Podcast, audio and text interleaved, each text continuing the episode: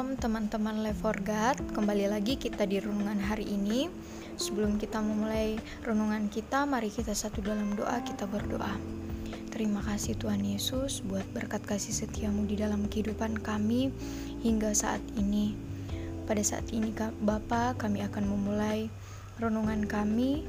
Sebelum kami membaca dan merenungkan firman-Mu Buka hati jiwa dan pikiran kami Urapi kami dengan roh kudusmu sehingga kami mampu memahami apa yang ingin Tuhan sampaikan kepada kami.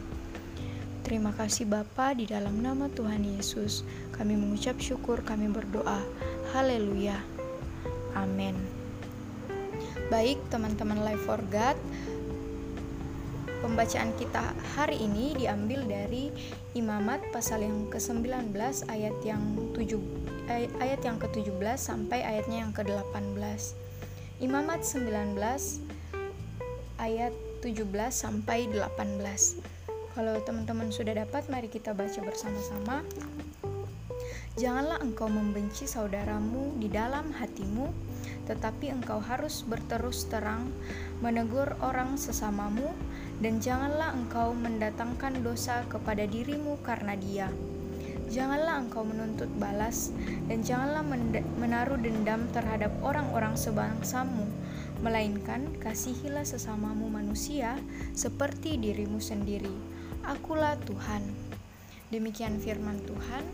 Baik teman-teman, renungan kita hari ini bertemakan tidak menaruh dendam. Nah, ada banyak contoh orang yang mendendam di dalam Alkitab. Pada kejadian pasal keempat ayat yang keempat sampai ayatnya yang kedelapan di situ dikisahkan Kain menaruh dendam terhadap adiknya Habel karena Allah mengindahkan korban persembahan Habel sedangkan korban persembahan dari Kain tidak diindahkan. Nah, dendam ini begitu parah sampai Kain memukul adiknya Habel sehingga lalu mem lalu membunuh Habel. Nah, selain itu juga dikisahkan pada Kejadian 27 ayat yang ke-41 di situ dikatakan bahwa Esau menaruh dendam kepada Yakub karena Yakub telah mencuri berkat kesulungan yang menjadi hak dari Esau.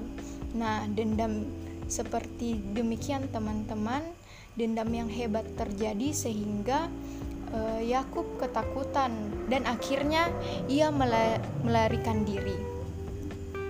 Nah, Alkitab juga tidak hanya memberi contoh orang-orang yang mendendam, tetapi juga mengajarkan kita bagaimana cara menyudahi perselisihan, yaitu dengan memberi maaf dan mengusahakan perdamaian.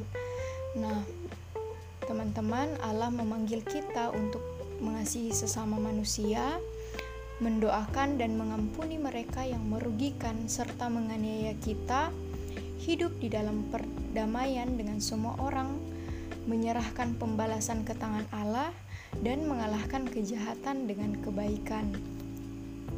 Nah, teman-teman, kita harus sadar betapa pentingnya bagi kita untuk tidak menaruh dendam karena ketika kita menaruh dendam itu merupakan hal yang bisa dibilang rugi buat kita sendiri kita harus sadar bahwa kita saja sebagai manusia sering berbuat salah bahkan menyakiti hati Tuhan, tetapi Tuhan tidak pernah dendam terhadap kita.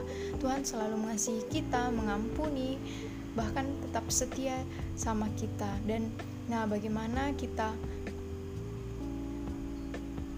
menerapkan kasih yang kita dapatkan dari Tuhan itu kepada sesama kita manusia mungkin teman-teman saat ini dalam masalah dalam perselisihan kiranya teman-teman kita semua berusaha untuk memperbaiki hubungan kita apabila ada hubungan yang retak atau rusak karena perbedaan pendapat atau karena uh, perselisihan-perselisihan yang lain. Nah, teman-teman, kiranya dengan kuasa Allah, kiranya kita dapat menyudahi segala perselisihan yang kita alami. Semoga firman kali ini dapat menguatkan kita. Mari kita satu dalam doa, kita tutup renungan hari ini. Bapa kami yang ada di sorga, Bapa yang kami sembah di dalam nama anakmu Tuhan Yesus Kristus, kami mengucap syukur melalui firman hari ini kami diajarkan bagaimana kami untuk mengasihi sesama kami seperti diri kami sendiri.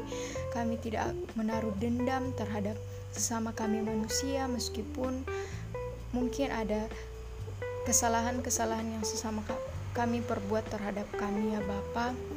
Tuhan Yesus yang baik, Terima kasih karena aku dapat mengampuni sesamaku manusia karena Engkau terlebih dahulu mengampuni aku. Terima kasih Tuhan Yesus, biarlah kami selalu mengenakan kasih-Mu di dalam kehidupan kami. Di dalam nama Tuhan Yesus kami mengucap syukur, kami berdoa sama Tuhan. Haleluya. Amin. Demikian renungan hari ini, Tuhan Yesus memberkati.